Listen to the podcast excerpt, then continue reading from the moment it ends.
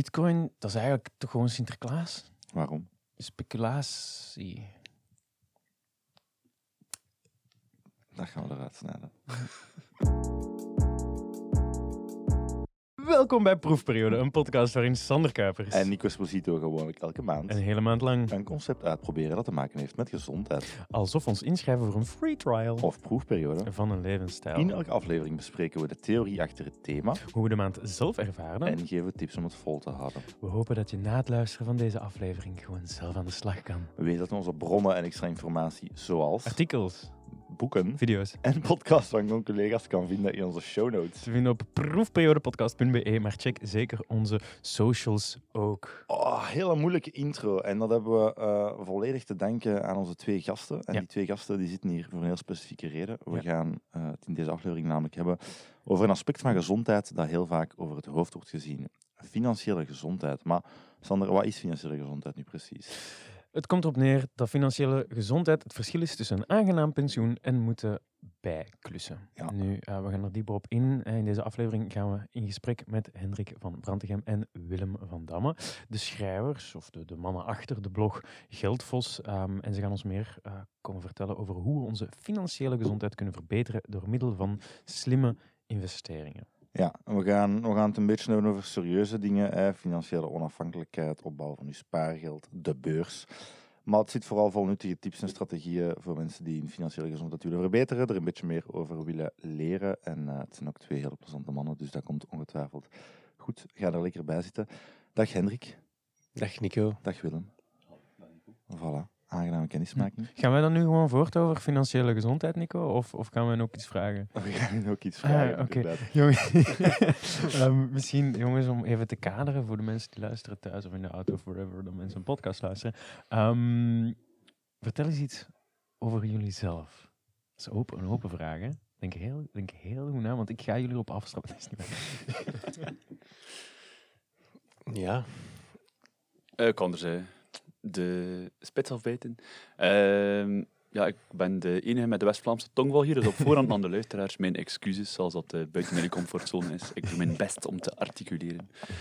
Eh, in het dagelijks leven werk ik als projectleider voor een bedrijf dat aardappelmachines maakt. Dus volledig weg van de beurs. Heel stereotyp, Ja. moet ik zeggen. Ja. Ja. Ik ben aan het sparen voor een tractor thuis ook. Dus, eh, nee. Ehm, dus in het dagelijks leven eh, doe ik dat. eh, samen met een, eh, nog een extra opleiding, eh, een vermoensbeheer, dat ik bijvolg. Mhm. Eh, na eerst een, ja, een acht jaar gewerkt te hebben. En Oké. eh, in de vrije tijd speel ik heel veel saxofoon. Cool. Ja, al een interessant profiel. Mhm. En jij, Hendrik? ja, de concurrentie is moeilijk om eh, hier eh, beter op te scoren. Eh, nee, dus ja, ik ben eh, Hendrik. Ik ben eigenlijk eh, collega van Nico Esposito. Dat klopt. En we doen eigenlijk dezelfde rol, namelijk eh, Solution Advisor. En wat wil dat eigenlijk zeggen? Is ja, we spelen eigenlijk een beetje Sherlock Holmes bij de klant. En Ja. we gaan zonder problemen of zonder eh, moeilijk te doen vragen naar hun problemen. En eh, kijken van hoe kunnen wij een oplossing bieden met onze technologie. In dit geval is dat dan Salesforce. En is eigenlijk één grote reclameaflevering voor Salesforce vandaag. Dus eh, voor de Customer we 360. gaan vandaag de Customer 360 uitleggen. Hey, Niet gesponsord. Ja, voilà, inderdaad. Eh, Heb jij geld geregeld of hoe zit dat die dan? Nou, je Voilà. kunt korting krijgen op je We licenties. fixen, we fixen dat wel. we fixen dat wel. Oké, heren. En jullie zitten hier vandaag samen, want samen stellen jullie Geldvos voor. Dat klopt. Wat is Geldvos? Ja, Geldvos is eigenlijk een educatief platform over de financiële wereld en de beurs. Ja, het idee is eigenlijk dat we informatie die nuttig is voor iedereen centraal beschikbaar willen stellen. Want er zijn heel veel goede Engelstalige bronnen en de Nederlandstalige bronnen die zitten oftewel achter een paywall Ja. of zijn oftewel direct veel te gespecialiseerd dat ze te ver gaan. En we merkten uit onze eigen omgeving van heel veel vrienden dat we vragen kregen, soms echt in het beginfase, dat ze nog zelf hun financiële ontdekkingsreis aan het beginnen waren, van ja, wat moeten we daar nu mee doen? En anderen dan al direct wat meer eh, iets verder gevorderd, maar dat ze ja, eigenlijk geen idee hebben of geen houvast eh, waar moet ik starten. En de meesten gaan dan naar een bank en worden dan geadviseerd door een bank en daar blijft het bij. Nu, wij zijn eh, geen financieel adviseurs, voor alle duidelijkheid. Disclaimer. disclaimer louter entertainend. eh, maar eh, het is waar wat dat Willem zegt. Ook omdat wij gezien hebben dat in onze vriendenkring, hè, allee, jullie zullen dat ook wel merken, ehm, je begint te werken, je begint wat geld te verdienen. Maar eigenlijk staat er niet stil met wat moet ik met dat geld doen, wat is hier de beste manier om te investeren, om in te beleggen. Ehm, vaak ook zetten mensen hun geld gewoon op de spaarrekening. Wat dat zeker in deze tijd met de hoge inflatie ja, niet echt de beste optie kan zijn. Misschien heel kort eh, voor de mensen die totaal niet, want het is, we, gaan, we hebben het meestal over wel eerder fysieke eh, We gezondheid. hebben echt een heel dom publiek. Misschien Mopje. laten we, laten we er gewoon niet van uitgaan dat elke luisteraar even financieel geletterd is, omdat dat is ook totaal niet de plek is waar we dat meestal eh, doen. Ja. Vind je dat een goeie? Ja. Dus vandaar, waarom is het bij inflatie slecht om uw geld op de bankrekening te laten staan, Hendrik? Omdat de bankrekening u een rente geeft van ongeveer 1%. 1,5 is het hoogste dat we momenteel gezien hebben bij een Belgische bank. En ja, de inflatie nu zit op 4,8. Ja, afhankelijk welke bronnen. In De België? officiële cijfers Ja, tussen de is het- 5 à 10, Ja. afhankelijk van welke. Ja, Ja, heeft maar- al veel hoger gestaan natuurlijk. En de inflatie is niet aan het dalen in België, hebben we onlangs ook vernomen. Dus ja, dat wil eigenlijk zeggen dat per jaar uw geld minder waard wordt, om het simpel eh, uit te drukken. Ja, eigenlijk als je 100 euro hebt en er is 10% inflatie, kan je met die 100 euro van nu, binnen een jaar, heb je maar een koopkracht meer van 90 euro. Ja. En als je dan 1% inflatie hebt, dan ga je ongeveer 91 euro hebben, maar eigenlijk ben je op een jaar... Eh 1% eh, rente op uw... ja, ja, ja, inderdaad, sorry. Ja, ja, 1% rente, dan heb je eigenlijk na een jaar 9% van je koopkracht ongeveer eh, Ja. verloren. Ja, ja. En dus eh, laat dat een paar jaar doorgaan en je zet eraan voor de moeite. Waarom Voilà. zeg je eigenlijk nog aan Voilà. En door hoge inflatiecijfers die we Ja. nu hebben, gaat dat effect zeer sterk eh, gaan opbouwen. Als je daar niet bij stilstaat, ja, Nee, Wordt dat effectief. pijnlijk. En zeker als je, dat, als je dat gaat uitvergroten, dan wordt dat ook gewoon duidelijker pijnlijker. Eh, Stel nu dat je zegt, oké, ja, op, op, op, op 100 euro, maar ja, zegt op 10.000 euro, Mhm. ja, dan wordt dat ineens al een, een veel groter bedrag, een veel groter verschil.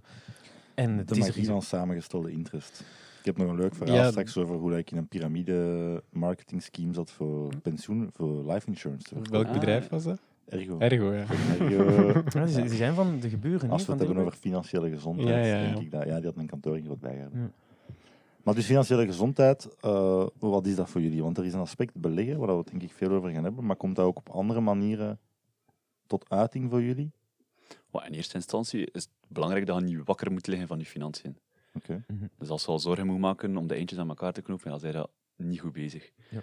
Dus dan zit al met een verschil van, oké, hoeveel geef ik uit, hoeveel verdien ik? Daar al een goede balans tussen te kunnen maken. Mhm. Zeker bij veel jonge mensen, ze krijgen een eerste paycheck, wordt er niet echt over nagedacht van, alright, ik krijg hier, ik zeg maar iets, 1800 euro binnen. Gemakkelijk op het einde van de maand is er weer 1800 euro buiten gaan. Eh, dus ja, in eerste instantie de mogelijkheid om te kunnen sparen. Bij, ja, voor sommige mensen is dat gemakkelijker dan anderen. Mhm. En ook, eh, ja, dat is enerzijds hè, de eindjes aan elkaar knopen. Ik denk dat wij geprivilegeerd zijn om, om ja, daar niet echt problemen mee te hebben. Maar wat dat er Goede wel... privilege gecheckt.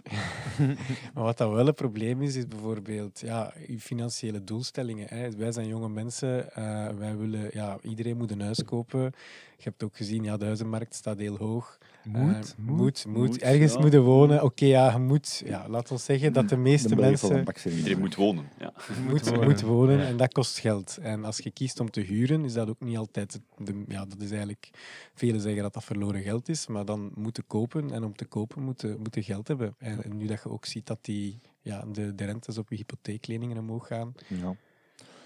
Nu, ik moet wel zeggen, om er even op, op verder te gaan, als ik zie wat ik betalen aan mijn syndicus en aan mijn onderhoud van mijn, van mijn appartement en aan de renovaties dat ik gedaan heb, je zou een argument kunnen maken dat als ik gewoon had gehuurd en de meerwaarde dat ik bespaarde had geïnvesteerd, dat ik op In iets 25 anders. jaar misschien beter zou zijn af geweest met...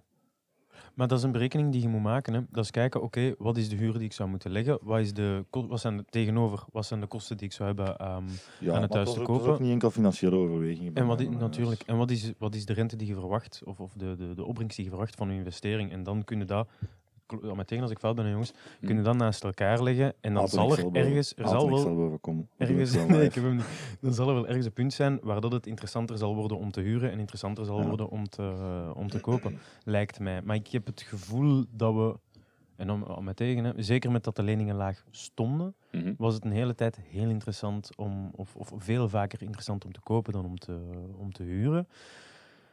Nu ja, natuurlijk als je als je chance hebt en het geld dat je geïnvesteerd hebt, eh, dat die rente of dat de interest daarop eh, extreem hoog is, dan had je misschien inderdaad beter kunnen huren eh, en investeren. Maar bon, ja. Het is, is het is moeilijk om vooruit te kijken, want Ja. we, we hebben eigenlijk een periode achter de rug dat de rentes 40 jaar aan een stuk gedaald zijn. Mhm. Dus je moet maar eens vragen aan je ouders of grootouders als zij Mhm. kochten. Ik weet van, mijn- 12 of Ja, ja, 6. ja, of, voor mijn ouders was dat rond de 13 procent. Ja. Ik kan dat nu niet meer voorstellen. Ja. En, maar door 40 jaar aan een stuk dalende rentes, wil dat ook zeggen dat elk jaar mensen iets meer kunnen lenen. Mhm. En dat is 40 jaar aan een stuk geweest, dat eigenlijk meer geleend kon worden. En dat ging ook gepaard met stijgende huizenprijzen. En nu zitten we voor de eerste keer in 40 jaar in die omgekeerde situaties aan die rentes stijgen. En we hebben eigenlijk totaal nog geen idee wat het effect zal zijn Mhm. op die langere termijn. Dus zodanig geconditioneerd van huizenprijzen kunnen enkel maar stijgen als die zelfs, wat ik nu aan het doen ben, de mogelijkheid suggereer. Mhm. Dat de huizenprijzen kunnen dalen of Oei. misschien zelfs oh, 10% naar beneden gaan. Ja. Dat wordt, dat wordt, Ja, voor, ja, dat wordt ja. voor zot versleten. Hè? Ja, Maar, ja, Eerst ja. zien dan geloven. ja, het is, het is Maar dat. Maar, Is dat niet een soort van massa-hysterie dan ook? Want iedereen zit gewoon lekker te kopen, dus dat is, dat is zo'n beetje de... Zo wordt dat een beetje ook aangeleerd. Hè, van eh koopt je huis, dat is de beste investering dat je hebt. Eh, binnen zoveel jaar ga je dat voor meer verkopen.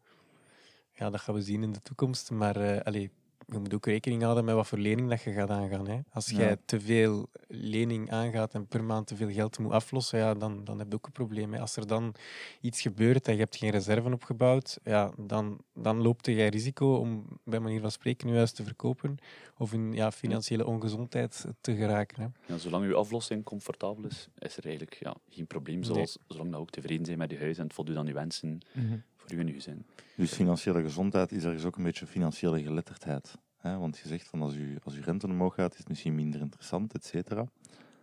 Ehm, waar dat ik dan aan denk is, wat zouden jullie aanraden als mensen financieel geletterder willen worden? Zijn er online bronnen beschikbaar? Hoe pakken jullie dat, hoe pakken jullie dat aan? Zonder promo te maken voor uw eigen blog. Ja, in eerste instantie, dat is een keuze die maakt van ik wil er meer van weten, ik weet er niets veel van. Ga je gaan zoeken naar de media die er zijn. Bij, mensen gaan standaard bij googlen. Kom al snel uit op eh, de tijd of op trends eh, knak die wat meer die richting uitgaat. Maar dan krijg je ja, ook enkel de, ja, de, algemene, de algemene updates of ga je specifiek naar een beetje wat de, ja, de orde van de dag, maar niet per se hetgeen op lange termijn. Heel weinig mensen zetten de stap van ik ga eens gaan spreken met een financiële planner. Ja. Misschien... Klinkt ook niet leuk, hè? Nee, Klinkt, ook klinkt alsof, verschrikkelijk. klinkt ook alsof het geld kost, natuurlijk. Ja, het is dat. En ja. Je hebt geen idee wat het gaat opbrengen. Dus we moeten bij Geldfonds terecht. Voor financieel 100%. advies. Hmm. Laten we toch even, even hangen ehm, op Geldvos. Eh, ten eerste, ehm, van waar de naam? De naam. Wel, wij hebben lang nagedacht over de naam. En eh, de naam ja, doet direct denken aan Geldwolf, maar dat klinkt zeer, zeer negatief. En we hebben dan gedacht van ja, een vos, wat voor een, wat voor een beest is dat eigenlijk? En we hebben gezien, ja, dat is een vrij sluw beest, opportunistisch. Ehm, en die, ja, die jaagt ook altijd alleen, toch vaak, maar die zorgt wel altijd voor zijn gezin.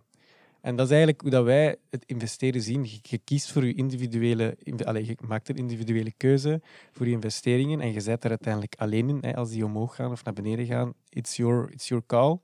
Maar de meeste mensen doen dat ook wel om, om welvaart te creëren voor, voor hun eigen, maar ook voor hun gezin. En vandaar zo wat een analogie. Amai, daar is goed over nagedacht. Dank u. Ja. Laten we nog, nog een stap terugnemen. Waarom hebben jullie Geldvos gestart eigenlijk? Like, wa- waarom de nood? Eh, in eerste instantie, we zeiden het al, Ja. er, er was, eh, we kregen vaak vragen eh, links en rechts van ja, waar kan ik dat vinden? Hoe zit dat in elkaar? Moet ik nu ja, aan pensioensparen doen? En die vragen kwamen vaak terug en ja, we, gingen vrienden gaan helpen daarmee. eh. en plotseling eh ja, je krijgt dezelfde vraag voor de vierde keer, je krijgt dezelfde vraag voor de vijfde keer. Dan begint dat een klein beetje te vervelen. komt het idee van iemand van, zou je dat niet op een website zetten? Zou ik daar geen blog van schrijven? Dan kun je alles daar eh, wat mooi structureren.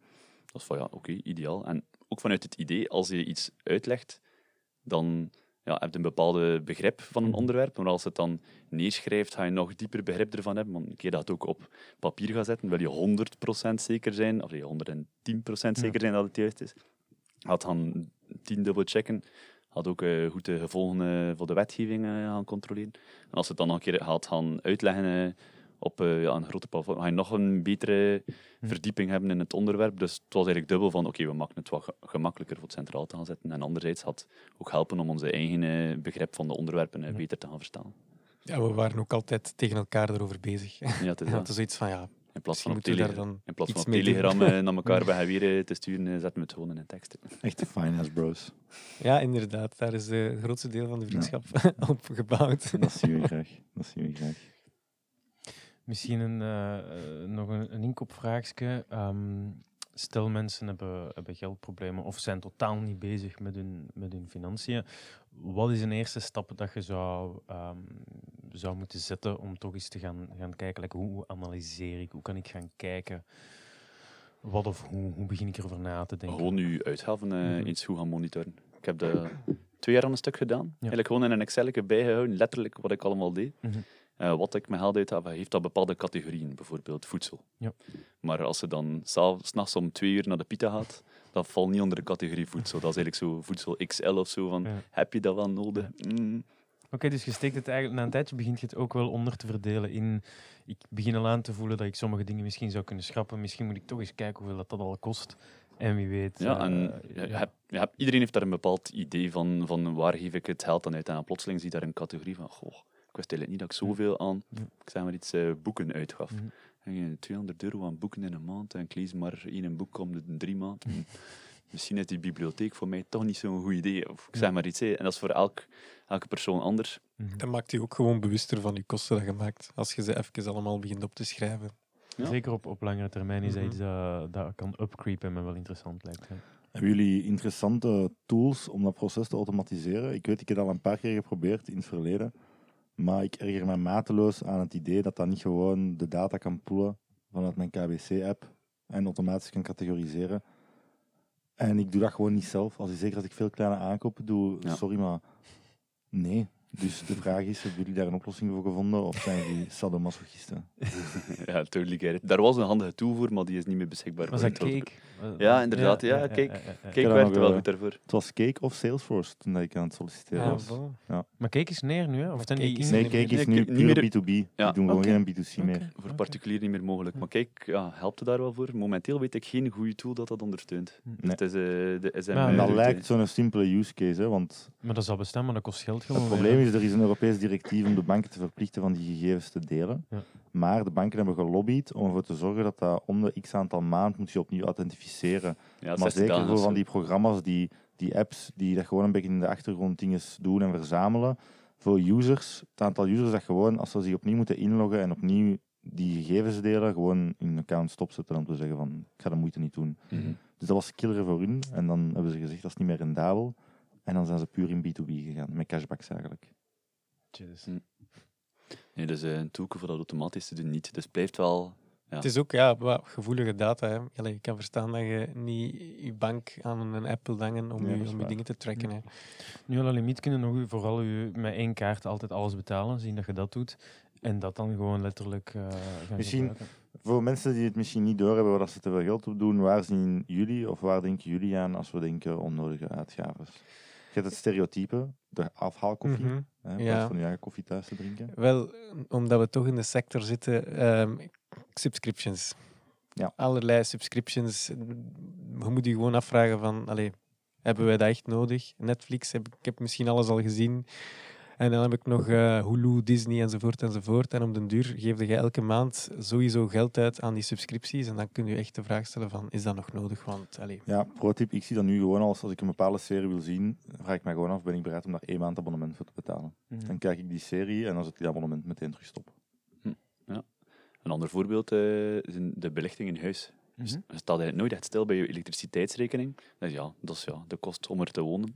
Maar bij het gebruik van ledlampen kan je je verbruik tot negen keer eh, verminderen in vergelijking met andere lichten. En zeker de laatste jaren is dat misschien eh, wel een interessant ja, het zal misschien een grotere factor Ja. geweest zijn dit jaar. eh. Maar dat, dat is ook zo'n simpel, ene keer kijken, of je moet het zelfs niet direct doen, maar telkens als de licht kapot is, van oké, ik steek er gewoon een Mhm. energetische, een veel zuinigere versie in. Zelf kunnen koken is voor mij ook een grote. Ja. Als Ja. je een beetje zo kunt schakelen met, met gerechten en met ingrediënten en je kunt dingen in promotie kopen, kun je voor een derde van de prijs van take-out of pre-made eten, vaak. Ja, en we Ja, hebben sowieso. In, in de laatste twee jaar ook een enorme boom gehad van eh, alles van eh, thuislevering van eten. En nu met de stijging van de voedselprijzen zien we ook dat dat toch wel al aan het minderen is. eh Pro-tip. Zelf ehm, groeien. als je maaltijdleveringen doet, eigen moest. Je moet gewoon, die gaan je altijd proberen terug te halen. Dus bij HelloFresh bijvoorbeeld, als je een tijdje je abonnement stop zegt, geven die altijd een actie. Ja. Korting 50% op de eerste box, 40% op de tweede en dan 2020. Je doet gewoon die eerste twee weken uit, je stopt. Je doet dat bij meerdere maaltijdleverdiensten en die blijven nu gewoon in roulatie promotie sturen en je eet gewoon altijd aan 50% korting. Mhm. The Fork, een app op Ja. je gsm ook, waar je ook soms 50% korting kunt krijgen in restaurants. Omdat die een actie doen, omdat die stok op moeten doen of whatever. Krijg je er honger van, joh. Ja, maar ik heb zo in Portugal eh, drie dagen lang 50% korting gehad overal. Dat was echt fantastisch. Too good to go.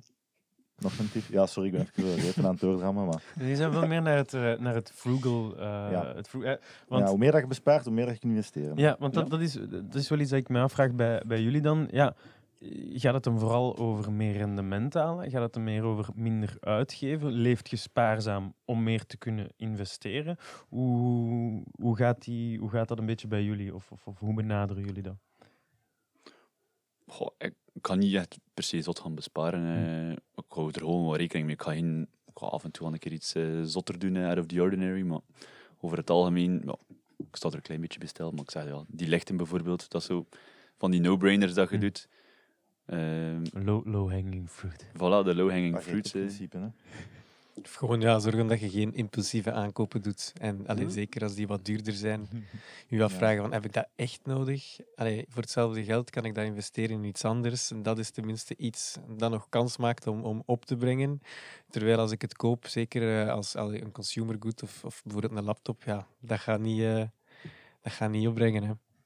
Klopt. Ik kan niet elke dag boterhammetjes met choco eten om dan iets meer in eh aandeel te kunnen Ja. steken. Tijd een keer pindakaas ook. Ja, ja, ja, afwisseling, zeer belangrijk.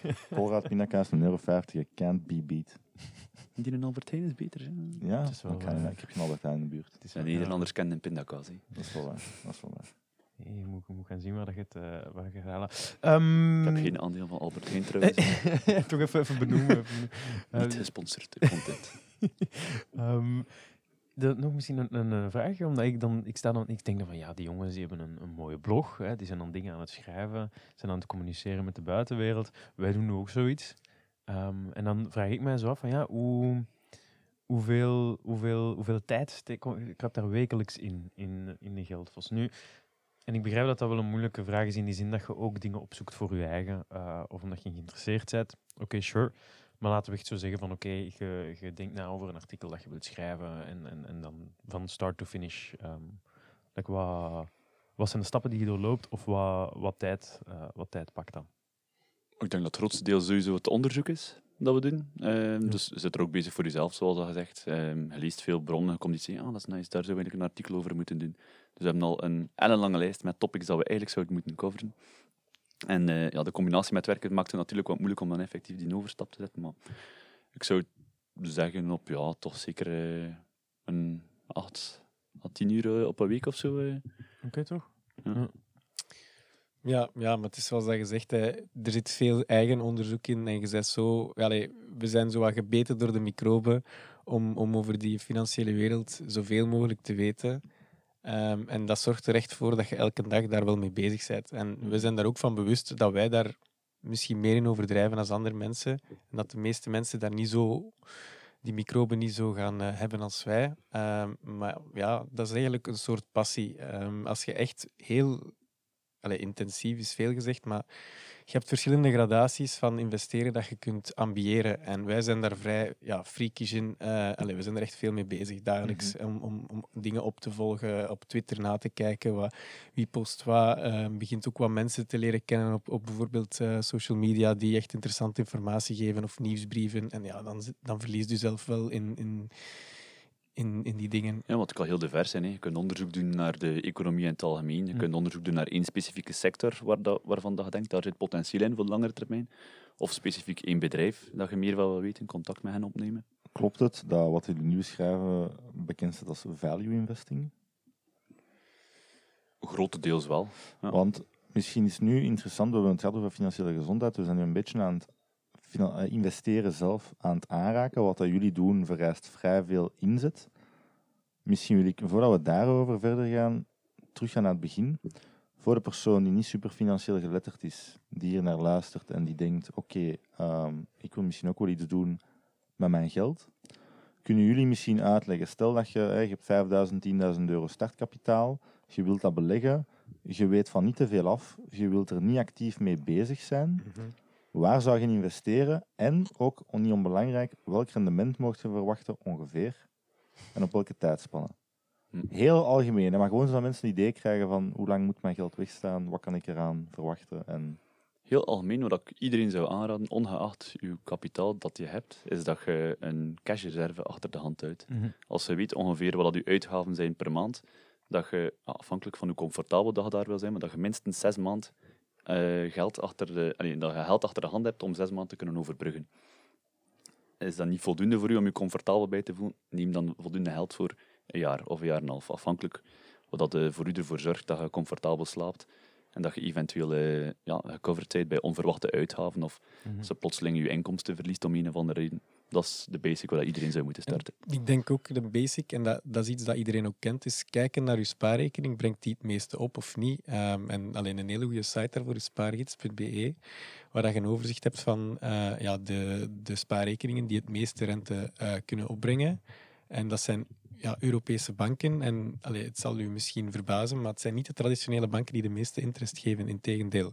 En dat zijn dingen die je eigenlijk vrij snel kunt doen zonder dat je daar veel zorgen over moet maken. Hè. Ook wetende dat ehm je spaarrekeningen in Europa die zijn zogezegd gecoverd tot 100.000 euro per bank.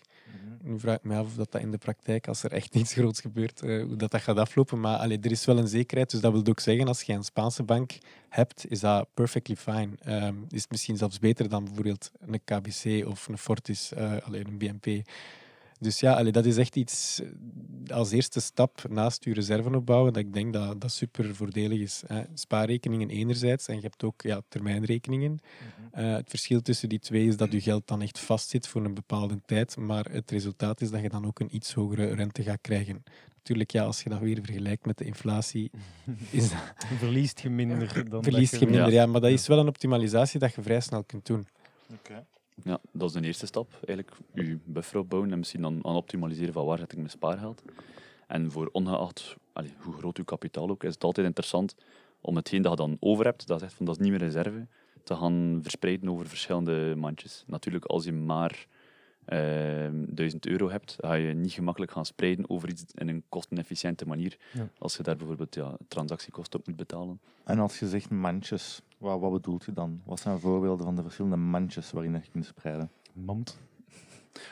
In de meeste kende zijn de, ja, de aandelen, maar daarbinnen kan je ook nog eens heel sterk gaan spreiden, oftewel via ETF's of holdings. eh moeten misschien We gaan, we gaan allemaal duiden. Ja, Dus eerst naar aandelen. aandelen. Dan kan bijvoorbeeld ook obligaties, eh, edelmetalen, eh, vastgoed. eh, Ja. Natuurlijk, ja. Natuurlijk, dat moet al een, een, een grotere inzet eh, Ja. Hebben. ja, Als het Dat over, je, eh, dat je een vastgoed-ETF... eh, ja, of ja, aandelen in vastgoed. ja, ja. ja, ja. Wat Ja. is een ETF Een exchange traded fund. en wat betekent dat in mensentaal? eigenlijk is dat een groepering van aandelen dat je kan kopen op de beurs. Een fonds. Een mandje. Een mandje aandelen. Dus. Mand. Het fonds dat je bij de bank gaat, is geen, ga- bank gaat kopen, is geen ETF. Je tekent daar een document en vanaf dan begin je maandelijks eh, 50 euro of 100, afhankelijk hoe dat het doet, eh, over te schrijven. En koop je een fonds. Een ETF is hetzelfde principe, maar het staat op de beurs. Mhm. Je hoeft niet langs te gaan bij de bank, je hoeft geen contract te tekenen. Mhm. Oké. Dus dat is de eerste stap. Dat is vrij makkelijk te doen voor mensen. Zelf beleggen in, in aandelen. Oh, wacht, maar misschien eerst aandelen, obligaties, vastgoed. Was er nog iets dat we gemist Edelmetalen. hebben? Edelmetalen. Oké, Ja, misschien, goud, eh, zilver, die toestanden. misschien niet meteen aan mensen uitleggen hoe dat ze goud en zilver moeten traden. Wat is het makkelijkste van, van die vijf om mee te beginnen? Als beginnende investeerder. Ze zijn allem- allemaal relatief gemakkelijk. Obligaties is misschien het moeilijkste. Oké. Ook om te begrijpen en om Mm. dan de juiste... En waar doe je dat dan? Eh, dat kan allemaal bij een eh, broker. Dat kan een online broker zijn waar je alles zelf doet en dan heb je daar doorgaans de laagste kosten. Wil je wat meer begeleiding, dan kan je dat ook via de meeste bankeninstanties. Maar dan kost het u weer meer. Maar dan zal je iets meer Ja. transactiekosten hebben. Dus dat is niet optimaal voor de mensen met een kleiner vermogen. Mhm. heb je veel meer geld, eh, dan gaat dat al minder doorgaan. Maar ook afhankelijk van ja, hoe comfortabel ben je er zelf mee. Ben je echt een financiële analfabeet? Dan heb je liever die um, maxrest, Ja. dat er daar iemand naast staat dat je toch minst in het proces kan gaan begeleiden. Nou, we gaan ook in de show notes links zetten naar eh, tips en tricks voor Ja, welke en- brokers te gebruiken, welke ETF's te kopen, hoe dat Ja. allemaal werkt en zo. Mhm. Nu, zeker voor brokers hebben we de laatste jaren veel allee, nieuwe brokers die er zijn bijgekomen, waardoor dat de prijzen om, om bepaalde ja, aandelen of financiële producten te kopen ook veel lager zijn. Dus dat creëert ook veel meer potentieel voor ja, de retailbelegger om, om te diversifiëren, om Ja. allerlei producten te kopen. Eh, Vroeger allee, het was dat vaak een vaste kost. En ja, als dat al 20, 30 euro kost per, per lijn in uw broker, dan wil dat zeggen dat je toch al ook een groot bedrag moet investeren voor dat Mhm. specifiek aandeel om het er ook weer te kunnen uithalen, terwijl dat die kosten nu veel lager liggen. Ja. Nu kunnen sommige posities bij sommige brokers kostenvrij aankopen. Ja, Ja. misschien. Sommige eh, is daar ook wel een eh, kanttekening bij. eh. Ja, ehm, eh, maar een hele goede tip kan zijn bij de Giro heb je zo'n ETF-lijst waar je elke maand gratis kunt. eh, Ja, eh, koste- ETF's kosteloos. Ja, kosteloos kunt, kosteloos kunt eh, aandelen, Ja, ETF's kopen. Dat is interessant voor de mensen die met een kleiner bedrag eh, willen beleggen maandelijks. Mhm. Dan heb je daar geen transactiekosten op en kan je wel beginnen een positie opbouwen. Ik zit een klein beetje te dabbelen in een eh, ETF bij Saxo. Mhm. Via Saxo. En die fuckers, eh, er is iets mis met hun licentie. En dus ik kan hem niet kopen. Hij was, hij was weer wat goedkoper. En ik dacht van, dat is zo interessant. Het Ja, gaat dus niet, hè? ja, het zijn heel veel mensen ontevreden van Saxo Ja, momenteel. Het, eh, Ja, Want vroeger bepaal- was dat Bing. En die zijn Ja, ja. overgenomen. Ja. En dat is, ja, Want het is van heel veel producten waar dat je die normaal kon kopen, het plotseling niet meer eh, mogelijk is. Ja. En dan zijn ze eerst van het licht bij de FSMA, dat is zo de Belgische waakhond, om te zorgen dat alles eh, correct loopt volgens de spelregels en ter bescherming van consumenten. En dan zegt die SMA, FSMA gewoon van ehm, nee, dat ligt gewoon aan jullie zelf. We hebben daar eh, Ja. geen beperking op gelegd. Dus ja, ik zit zelf ook eh, deels bij Saxo en dat loopt daar inderdaad niet zo vlot. Dus, eh, Dus voor Giro- mensen die die een Giro, nieuwe ja. broker zoeken, momenteel misschien best een andere richting Ik ben uitkijken. Bolero gegaan. Bolero? Ja. Is dat beheerskosten op, maar mijn boekhouding is meteen in orde. Ja. Ik denk dat de Giro dat niet doet. Wat bedoelde met je boekhouding? Je moet dat aangeven. Dat stond op eh, die Reddit van Fire. Ik weet het niet waarom. Nee, het belangrijkste verschil is, eh, bij een Belgische rekening hoef je die niet aan te geven. Omdat de Belgische rekening, zoals een Saxo en een Bolero, die moeten automatisch al aangeven eh, aan de fiscus van kijk, die burger vanuit uw land eh, heeft een rekening. Als je een De Giro-rekening hebt, die zit in Duitsland, dacht ik. Of je gaat via links, dan zit je in Ierland. Dan moet je dan nog een keer aangeven in je belastingsbrief. Ja. En dan kan het ook zijn, afhankelijk van welke dividenden dat je ontvangt, dat je dan nog iets extra moet gaan eh, Mhm. aangeven. Dus dat komt, bij een buitenlandse rekening komt er wat extra werk bij kijken. Dus als je administratief ramp bent, is misschien een Belgische rekening ook wel aan te raden. Maar anderzijds, ze geven jaarlijks wel een overzichtje van kijk, dat is er gebeurd het voorbije jaar op Ja. je rekening. Zoveel heb je ontvangen, zoveel moet je aangeven op je belastingsbrief bij dat nummerke. Mhm. Eigenlijk als je kan lezen en je bent Allee, zij proberen ook allee, die een drempel zo laag mogelijk te houden. Het is dat. We hebben in de media, zeker tijdens COVID, veel gezien rond eh, crypto. ehm, heel veel speculatie op de beurs, heel veel geld dat erin kwam. Mensen die thuis zaten, dat was zo'n beetje het verhaal dat ze Mhm. vertellen. Mensen zaten thuis, de beurs ging enkel omhoog, alles was groen, mensen maakten enorm veel geld met crypto.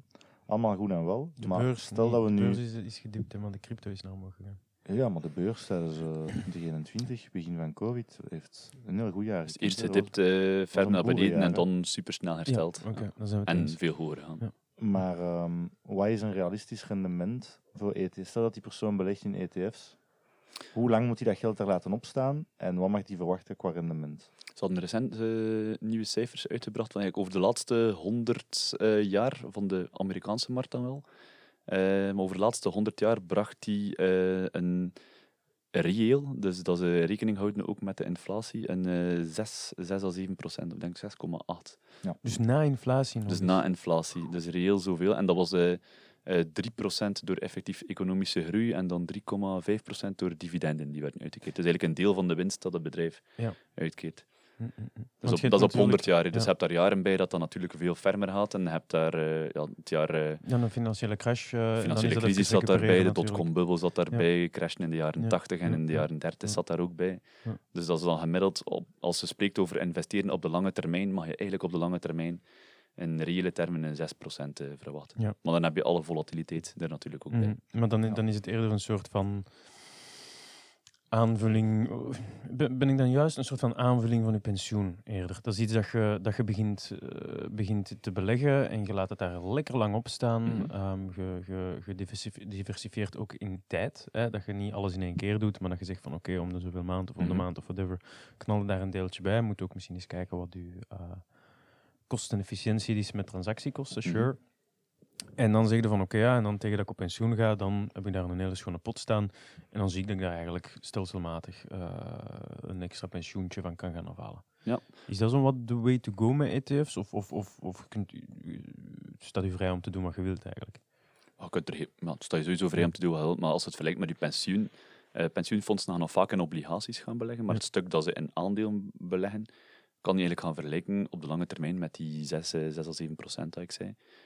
Ehm, dus ja, heel veel mensen beschouwen dat ook op die manier. Ik zet dat gewoon aan de kant. En vooral die spreiding over tijd, als je niet echt weet waarmee je bezig bent, dan is dat ook interessant. Van, het kan nu een goed moment zijn, maar het kan evengoed ja, net het slechtst mogelijkste moment ooit zijn. Mhm. Als we nu net voor een periode staan zoals dat we eh, in 2000 hadden, of in 1929 of 2007, kan het zijn als je nu begint dat het drie, vier jaar enkel naar beneden gaat. Ja.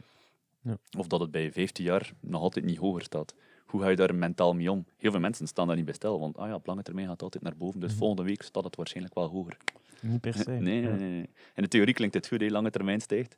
Maar, Maar het, knal, ja. k- het knalt wel zo, zo het knaagt. Als je ziet, van het daalt dan wel zo... Mm. Trust the process, baby. Ah, wel, het is dat. En daarom ook, ze zeggen vaak, eh beleg enkel met het geld dat je kan missen. eh. als je weet, ja, ik kan bij vijf jaar wil ik misschien wel een huis kopen. Mm, mm. moet je misschien niet te heel veel dan in die aandelen gaan steken. Weten dat het momenteel ook wat eh, volatieler is. Ben ik correct om te stellen dat er bij investeren veel psychologie komt kijken? Als je er dagelijks naar kijkt en je hebt geen vast plan, zoals dat zegt, trust the process. Mhm. als, je, als je een proces hebt en je houdt je daaraan, dan moet je eigenlijk los kunnen zetten. Van, ja, heb je geen plan en je begint er gewoon aan en je zegt van, oh ja, tof bedrijf, eh, het zit daar potentieel in en je koopt dat. Ja, ik gaat ook zo meer, meer in het algemeen, zo met bepaalde biases die we hebben, met het feit dat de markt soms irrationeel zich gedraagt. Hè, omdat iedereen begint te verkopen, dus je krijgt een massive sell-off. Wat is de onderliggende reden? Er is er geen. Het is eigenlijk gewoon mensen die reageren op andere mensen. Ja, maar is, is uw vraag dan eh, bij persoonlijk investeren voor uw eigen financiële gezondheid, het psychologische aspect, of eerder een soort van Maar massa ik denk, ja, daar, als je het proces kunt vertrouwen, kun je dat er wel wat uithalen. Maar dat is ook altijd... Allee, ik, heb die, ik heb me daaraan verbrand met bitcoin destijds. Dat is een typisch verhaal. Hm. Je steekt daar 400 euro in, omdat je maat zegt, het is de moment. Maar de moment was eigenlijk twee maanden geleden. Daar ging Engeland nog maar te zakken. Op een bepaald moment had het 250 euro over. Het is een keer naar 350 gegaan, maar het niet verkocht, dus het is teruggezakt. Op een bepaald moment heb ik zoiets van, ja, fuck deze, ik kan, hier, kan het niet meer af. Ik ga het verkopen, het gaat toch niet meer renderen. Voilà, dat was 2017. Bitcoin is inderdaad naar 60.000 euro geweest. en ik had 600 euro winst kunnen maken. Hm. Maar dat is het ding met psychologisch, van je moet... Daarom dat ik er ook niet in investeer. Ik weet niet wat dat het doet, stijgen of dalen. Dus ik kan er niet kalm bij Het blijven. is daarom dan een Ja. plan op voorhand eh, bij iedere positie dat je neemt, of wat dat dan bitcoin of een ETF of een aandeel of obligaties, dat je op voorhand weet van waarom koop ik dit? Mhm. Wat is de case daarachter? En wat doe ik als het gedeeld door twee gaat, maal twee gaat, en de verschillende scenario's? Wanneer stap ik daaruit? Wanneer is genoeg verlies geweest? Hoeveel wil ik maximaal verliezen? Veel mensen denken op voorhand van, ah ja, dat kan mal vijf gaan op eh vijf jaar, nice. Maar ze denken niet na van, wat doe ik als het min 30% Mhm. gaat? En dan zit het, eigenlijk als het al te laat is, ja, met de stress van, shit, shit, shit, ik ging dat geld gebruiken voor... Ja. Toch niet beter bijhouden om, om te wachten tot het terug stijgt, bijvoorbeeld. Zo. Dan ook. Dat kan je wel doen. Ik, Ja. ik zit, bijvoorbeeld op dit moment zit ik met een kleiner deel geïnvesteerd eh, dan anders. Ja. Eh, omdat ja, de, de trend is onzeker. Ja. En als dat Mhm. meer duidelijkheid zal geven, dan stap ik liever iets hoger in, met wat meer zekerheid dat de trend aan het stijgen is, Mhm. dan eh, dat je nu instapt. En als de trend dan naar beneden gaat, zijn de regel 1 is, verlie- verlies geen geld. eh, Dat is eigenlijk de enigste regel in de beurs. Verlies geen geld. simpel. Het is toch simpel, ja. Voilà, als je één iets meepakt van deze podcast, En natuurlijk trouwens, als je, eh, beste luisteraar, een vraag hebt op welk punt dan ook, dan kun je toch gewoon naar geldvos.com gaan. Ik heb daar juist .be gezegd, schaam op mij. eh, .com gaan en dan kun je daar toch ook meer, meer uitleggen. Want ik ben, hier, ik ben hier al even aan het scrollen geweest en dat is hier effectief introductie tot de beurs, obligaties, edelmetalen, crypto, vastgoed, eh, private aandelen enzovoort. Dus dat, eh, als je daar eens wilt inlezen verder, eh, beste thuisluister. dan, Beste thuisluister. Beste thuisluister, dan kun je, dan kun je dat doen. Moet je daar nog iets over vragen of willen jullie daar nog iets over kwijt, jongens? Ik wil nog wat verder doorgaan over... eh, Over bitcoin zeker. Nee, nee, nee, nee, nee. Nee, maar we hebben dus een heel simpele vorm van investeren. Of wat wilde jij doen, Sander? Ik was naar Fire aan het denken, maar als je Naar het... Fire. eh, Ik gewoon nog was- even, wat is value investing? Dus jullie, als ik het goed begrijp, hè, dus een gemiddeld persoon, gemiddelde financiële geletterdheid, best gewoon in ETF's, aandelen investeren, niet te veel naar kijken, zoveel bijstorten. Wat dat jullie doen, en eh, stop mij als ik een fout maak, value investing is het idee dat er bedrijven zijn die ondergewaardeerd zijn Hm. ten opzichte van hun, de prijs van het aandeel op de markt waar het verhandeld wordt. Hè, dus jij doet een analyse van een bedrijf en jij ziet, ja, maar op basis van de cijfers, dit bedrijf is eigenlijk meer waard dan wat het aandeel aangeeft. Ik geloof dat die positie nog kan gerealiseerd worden, dat de markt zich gaat corrigeren en die waardering gaat inzien.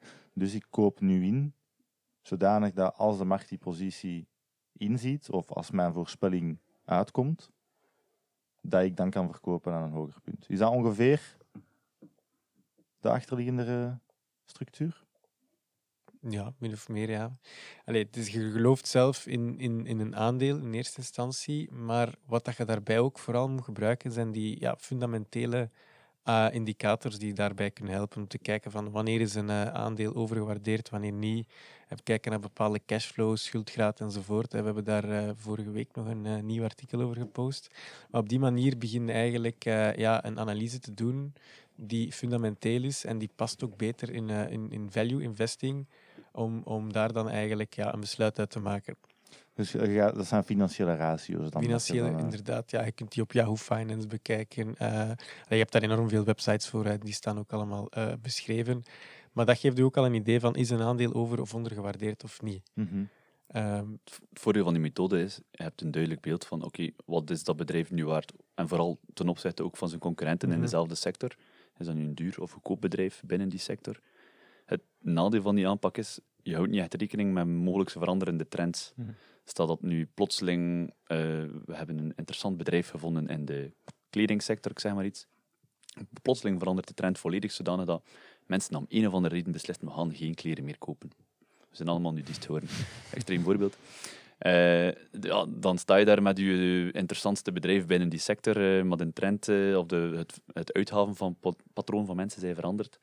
Dus daar moet je dat ook, en dan maak je assumpties en dan is het minder eh, tastbaar. Maar je kan wel heel interessante eh, investeringen doen als je een verandering van een trend vroeger gaat spotten. Nu zit iedereen op de AI-hype en Mhm. neem bewust het woord hype in de mond. Want eh, je ziet overal op vooraan mensen lezen, ah, wat zijn interessante bedrijven om in AI te gaan beleggen. Ja, ik denk dat die buzz al veel te lang vertrokken is en dat de risk-reward daar nu echt Mm. niet aan de goede kant zit. Je moet eigenlijk daaraan denken voordat heel die De massa, in de ja, media daar is. Ja. Zeker de media. hè. Hoe meer dat er in de media over bepaalde dingen wordt gepraat, hoe meer dat, ja, dat we dat zelfs een contrair signaal kunnen noemen. Van oké, Mhm. en zeker met die bitcoin hebben we dat gezien. Celebrities springen daarop. Iedereen, eh, we gaan bitcoin-automaten zetten. Iedereen kan daarmee betalen enzovoort. Dan moet je de vraag stellen van oké, heb ik die een boot gemist of niet? Ze hebben het gezegd, maar ook buy the rumors, sell the news. Exact. Dat ook gehanteerd wordt. Ja, die eh, celebrity-vergelijking is een goeie, want eh, vroeger hadden we ook eh, dat supermodel eh, Giselle Bundchen. Zo'n bekend Nog model, denk dat die zelfs getrouwd is met zo'n bekende quarterback. Tom nog. Brady, ze zijn uit elkaar. Ja. Het is niet voor Tom. Ah, voilà, ik zei single, eh, de opportuniteiten in de markt, maar op een andere manier. Ehm, maar die had op een bepaald moment gezegd van kijk, vanaf nu wil ik enkel maar betaald worden in euro's. Iemand had daar geadviseerd of zij Ja. had het idee had van oké, euro had de stijgende munt worden. En vanaf het moment dat ze dat gezegd had, heeft de euro enkel maar in waarde gedaald ten opzichte van andere munten. Dus dat is zo echt... Omgekeerd dan nog. Ja, omgekeerd. Oké. Puur Ja, en- Giselle. Ja. Puur, puur door haar, ja. Ja. De markt had gezien en zij heeft dat gezegd, eh sell the euro. Giselle. Dat is niet waar, ter verduidelijking. Giselle heeft de markt nieuwe invloed. Nee, maar ik weet niet waar het publiek staat. Hè. Allee, dat is ook wel interessant, omdat ook als je kijkt in de media, er wordt enorm veel gehyped. Eh, ook ja, in die traditionele mediakanalen zie je ook vaak, ja, die worden wel bestuurd door bepaalde eh, belangrijke mensen, dus die shiften ook wel. eh, De deep state, Hendrik. Ja, nu die kant uit. Dus in, zegt je nu dat er in de kern van de aarde eh, lizard people zijn die dat de markt beïnvloeden? Kijk, Of- de of- aarde kan niet rond zijn. nee, Als je even nadenkt. zijn je wakker? al afgevallen? Nee, sorry, ga verder. Ga verder. En nee, dat was mijn punt. Oké, oké. Ja, de vraag stellen van van, eh, van snoep of van cola of van gelijk wat product, vinden we dan normaal dat er reclame van wordt gemaakt. En wij weten dat ook allemaal, die willen gewoon dat we hun product gaan kopen. Ja. Als er dan plotseling enorm veel reclame komt van crypto, of Mhm. van vastgoed, of van gelijk wat voor, om te Mhm. gaan beleggen. De pastinaak. Iemand wint er geld bij, bij dat Ja. jij investeert in dat, Dat is product. Exact. En- dat zijn eigenlijk ja. ge, ja, geoptimaliseerde marketingmachines Ja. die ervoor zorgen om hun eigen te verrijken. En dat is heel gevaarlijk. Nu ook, allee, ook zo van die YouTube-influencers. Ik heb dat zeer vaak gezien van die pump-and-dump schemes. Ja. Dat zij zeggen van we moeten dat kopen en dat ze eigenlijk gewoon al lang al gekocht hebben aan een lagere prijs. Ja. Ja. Sowieso verkopen wanneer dat hun volgers kopen en dan, ja, dan blijven zij achter zitten met een bagholder. Hè. Misschien wil ik hier even eh, het concept een zero-sum game toelichten. Want dat is denk ik wel een vrij belangrijk concept als je investeert. Eh, Willem, ik weet niet, voel jij op je gemak om dat uit te leggen? Ik zet u hier een beetje on the spot, maar Eh, Zero-sum game, denk ik, komt erop neer van dat er in totaliteit geen winst of verlies is in het hele systeem. De winst van Ja. mij is de, het verlies van verlies, iemand ja. anders. Klopt. Voilà. Want ik heb dat toen aan mijn broer uitgelegd. Mijn broer zegt, ja, maar ja, mijn vrienden zijn super rijk geworden. Met bitcoin kan ik dat ook niet doen. En ik zeg, ja, maar Lorenzo beseft dat als jij wint, moet er iemand anders verliezen. Mhm. En als iemand anders wint, moet jij verliezen. En er zijn bedrijven die miljarden investeren om U te doen verliezen. investeringen beter te kunnen voorspellen en u te doen verliezen, letterlijk. En jij zei ene P met ene maat dan ik je geld heeft ge- gewint op crypto. Denk je echt dat je gaat winnen? Hm. Ik denk dat mensen, dat mensen dat vaak onderschatten. Hè. Het is niet... Er is altijd iemand geld aan het verdienen op uw centen als je niet slim investeert. Nee, ja, zeker en vast. En om te beginnen, uw broker ook al. Hè. Zelfs Ja. al blijft uw aandeel gelijk staan, gaat het nergens naartoe. Je koopt en verkoopt, hebt al je transactiekosten kwijt. De staat heeft ook al twee keer eh, een beursverrichting erop gedaan. Iedereen mag een keer in de zak grijpen. Hè. Ah ja, het is dat. Grabbela. Een keer goed En grabbelen. dan terug, terug bij Sinterklaas. Nee, dat is waar. Zeker je broker. Allee, zij hebben er het beste voordeel bij dat jij zoveel mogelijk belegt of, of activiteit doet op hun, eh, op Ja. hun, op hun platform. En je ziet dat ook. Ze hebben ook gigantische marketing eh, newsletters dat zij je elke week zullen sturen Ja. van ja, je kunt hierin investeren. Ja, wilde jij een cursus, bla bla bla. Maar dat is allemaal gewoon om ervoor te zorgen Dat je dat je meer... Ja, wat Geld een actief beheerd fonds bij de bank is wat 1 of 2 procent beheerskost per jaar. Ja, dat is veel te veel. Hè. Dus reken nu een reëel rendement van 6,8% op de beurs. Als jij dat actief laat beheren, is het eigenlijk al 25% van je winst. Kwijt. eh, een, beetje, een, beetje min, een beetje meer. 25% van je Mhm. winst kwijt aan beheerskosten. Mhm. Dus Ervan uitgaan dat eigenlijk dan meer stijgt dan daalt. Want stel dat Ja. de markt iets meer gaat dalen, dan... voilà. En daar zitten dus ook allemaal links over in de show notes waar dat je je daarover kunt informeren. Kijk, ga ze samenstellen in de show. Ik, eh, ik, ga, linken, ik ga linken naar Reddit. Ja. Ik ga linken naar Reddit. Dat gaat maar niet moeilijk maken. Ja, want je zit hier maar te verkondigen. Maar ik Ja, ja, maar nee, ik zeg het enkel omdat ik al weet waar de info staat en ze niet zelf moet uithalen. Ja, ik mag het onthouden dat je het nu verteld hebt. Daarvoor reken ik op u. Nee, nee, nee. Je moet zelf mogen naar luisteren. maar. Nee, nee, ik weet dat het erin moet. Ik weet dat het erin moet, maar misschien dat je me maar aan moet herinneren dat ik het moet doen. Ah, nee, dat, nee, kan ze op tien jaar. Ja, voilà. Dus, Maar voor uw punt af te sluiten, die zero-sum game, dat klopt. En het is daarom dat ze eh en masse de gigantische marketingmachine op zijn om zoveel mogelijk mensen die er niets van kennen, of heel weinig van kennen, om ja, geld daar uit hen... geld eigenlijk. Ja, en na, in het begin van de lockdownperiode, die beurs ging naar beneden, iedereen werd wel voorzichtiger. Dan ging die beurs ferm naar boven en hoe hoger dat die ging, hoe meer mensen dat willen instappen. FOMO. En dan blijven, ah ja, dan blijven mensen instappen omdat ze zien, wauw, recent, eh, goh, zoveel winsten, dit en dat. De meeste mensen die ingestapt zijn na juli 2021, die staan nu gewoon Ja, ferm in het rood. Enkel rood gezien. Enkel rood gezien, ja, klopt. En ze stappen dan ook in... in eh, niet elke ETF is even goed. Hm. Want de meeste ETF's zijn nog ehm, gewogen. Eh, misschien moet ik dat toelichten. Stel dat je ehm, een ETF koopt die verdeeld is over de volledige wereld. Dan denk je van, ah, ik ben mooi verspreid. Ik zit met mijn aandelen over heel de wereld. Eh, dan heb ik zeker minder risico. Hm. Maar omdat de Amerikaanse bedrijven veel meer waard zijn op dit moment, die markt is echt zo opgepompt geweest, zijn die, vertegen, die vertegenwoordigen die ook een heel eh, groter deel van de ETF's. Als je nu Dus kijkt een, naar de... groter deel, een groter, ehm, groter verhouding van het mandje dat de ETF Ja. is of vertegenwoordigt, is Amerikaans. Ja, je denkt, ik heb een ja. globale ETF, maar eigenlijk zit eh, 62% van die aandelen zitten in Amerika. Dus als, dan een Tesla, een Apple, een Microsoft en al die Ja, fuckers zitten daar. ja, Apple zit gemakkelijk aan misschien 5% van heel de globale Ja, ETF. eh. Voilà. Dus mensen denken dan ben gediversifieerd, maar heel veel mensen kopen die ETF. Heel veel mensen zitten dan puur in Amerika belegd, waardoor dat eigenlijk niemand echt gediversifieerd is. Hm. Je hebt eigenlijk een bijna een quasi-Amerikaanse ETF. eh. Dus het is misschien beter om niet een global ETF te kopen, maar te kijken ja, naar kleinere ETF's, bijvoorbeeld per sector, per land. Een ETF in Europa, zodanig dat je daar ook wat diversifieert. Zouden we eigenlijk allemaal Belgisch moeten investeren? En dan heb ik het niet alleen over persoonlijk gewin. Dat hangt af van, ja, van, van uw, uw profiel hè, of wat dat je doelstellingen zijn. Hè. Bijvoorbeeld, waarom zouden we zeker in Belgische aandelen willen investeren als we kijken naar dividendaandelen? Voor de simpele reden dat als jij een Amerikaans aandeel koopt, eh, waar dat er dividenden op zijn, ga je dubbele belastingen betalen. Eh, nu enkel roerende voorheffing van een 30 procent. Oké. Ehm, ja, dan is dat wel interessant om te kijken naar die Belgische aandelen specifiek voor, voor dividenden. Ja, voor dividenden zijn Belgische aandelen sowieso het interessantste. Van groeiaandelen ja, kan dat ook eh, nuttig zijn, maar als ze, ik denk dat je vraag dan ook ging, van we willen eigenlijk onze lokale economie ook wat meer gaan steunen. Zijn we niet heel veel geld aan het pompen, weg, weg aan het pompen eigenlijk, door te gaan investeren in buitenlandse bedrijven? Dus nu, dus eh, ethisch en filosofisch meer, Ja. maar let's go. Voor, ja, voor, klein, voor kleinere kapitaal gaat dat geen impact hebben. En eigenlijk Hm. geef je ook je geld niet rechtstreeks aan het bedrijf. Je koopt eigenlijk de aandeel van iemand anders in de markt. Natuurlijk, als er meer vragen zijn, gaat de koers hoger zijn. Stel dat een bedrijf plotseling extra geld wil ophalen, hoe hoger de koers, hoe meer geld ze kunnen ophalen. Dus onrechtstreeks heb je daar wel een klein beetje impact, maar niet zo Mhm. heel veel. Wat wel een interessante piste kan zijn als je zegt van ik wil de lokale economie steunen en ik wil ook niet die verraderlijkheid of de bewegelijkheid van de beurs. Zijn er bijvoorbeeld eh, ook mogelijkheden om eh, leningen te Mhm. geven eh, Ja. via crowdlending platforms eh, of via win-win leningen? Daar kan je tot, eh tot 8% ongeveer. eh, maar dat is niet, allee, dat is niet 8% netto. Hè. Dat is afhankelijk van welke formule. Sommige, sommige kunnen 8% eh, netto zijn als, een- als een bepaalde voorwaarde voldoet. Je hebt er verschillende platformen voor, ehm, zonder dat er één gesponsord heeft. Eh, een Bolero Crowdlending is een gekende, Winwinner is een gekend platform.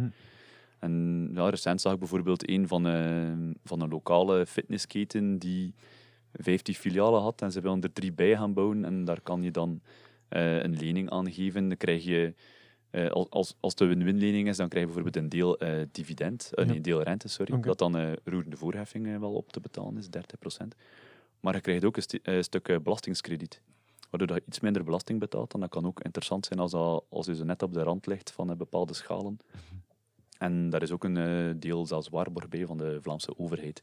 Stel dat het bedrijf dan toch niet in staat zou zijn om je lening terug te betalen, wordt 30% gewaarborgd. Dus dat zit niet op de beurs, maar steunde wel de lokale economie.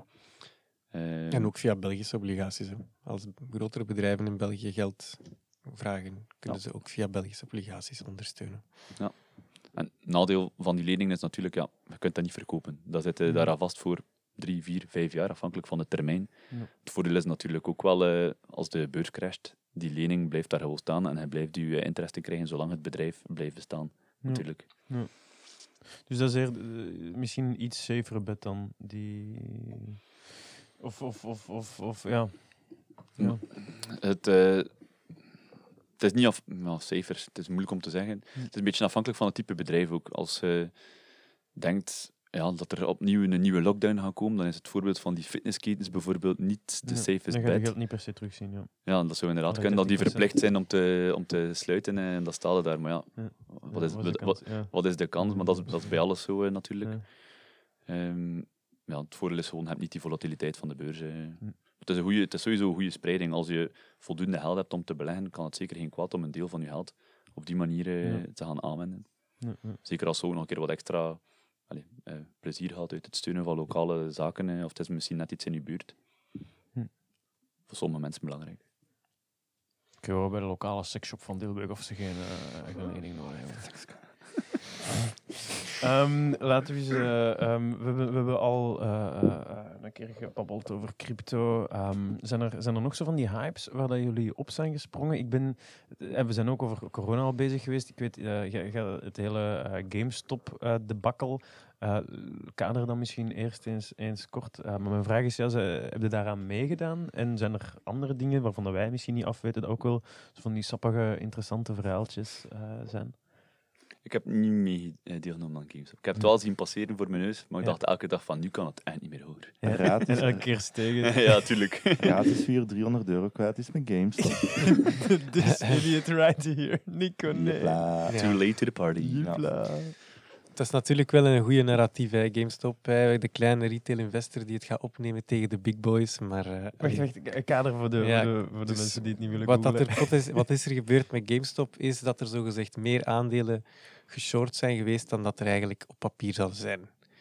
Dus dat wil zeggen dat zij... Ja, nee, short. En dat is door, eh, hoe noemt hij nu weer? Die? Kitty, die Ja, Kitty. gast. Ja, ja, ja, die een analist. Ja, die heeft dat gezien. En eh, ja, die is zo aan een, een movement gestart om te zeggen van als wij zoveel mogelijk aandelen kopen en we verkopen ze niet, dan kunnen zij een short niet, niet, niet coveren. Want wat zij dus doen is eigenlijk, ze zeggen van, ah ja, we- wij zullen dit aandeel voor u kopen. Zij gaan ervan uit dat dat aandeel gaat Ja, dalen. dalen inderdaad. Dus zij wachten met het aan te kopen voor hun cliënteel, zeg Mhm. maar. En dan zeggen ze, oké, het staat nu lager, we kopen het aan. En dat verschil hebben ze eigenlijk gewonnen dan. Ja, inderdaad. Maar als de prijs niet lager is, Ja, omdat moeten ze een heel- aankopen aan die hogere prijs. Omdat een hele Reddit-army GameStop aan, aankopen zit te doen. Ja, en hebben we een piek gehad, denk ik dat aandeel was 4 dollar of zo, voordat heel die hype begon. Mhm. En dat is ergens gepiekt rond de 350 Wat? dollar. Ja, Ja, dat ja, is wel hè. Dat is echt insane. Dus dat is eh, bijna 90x of zo.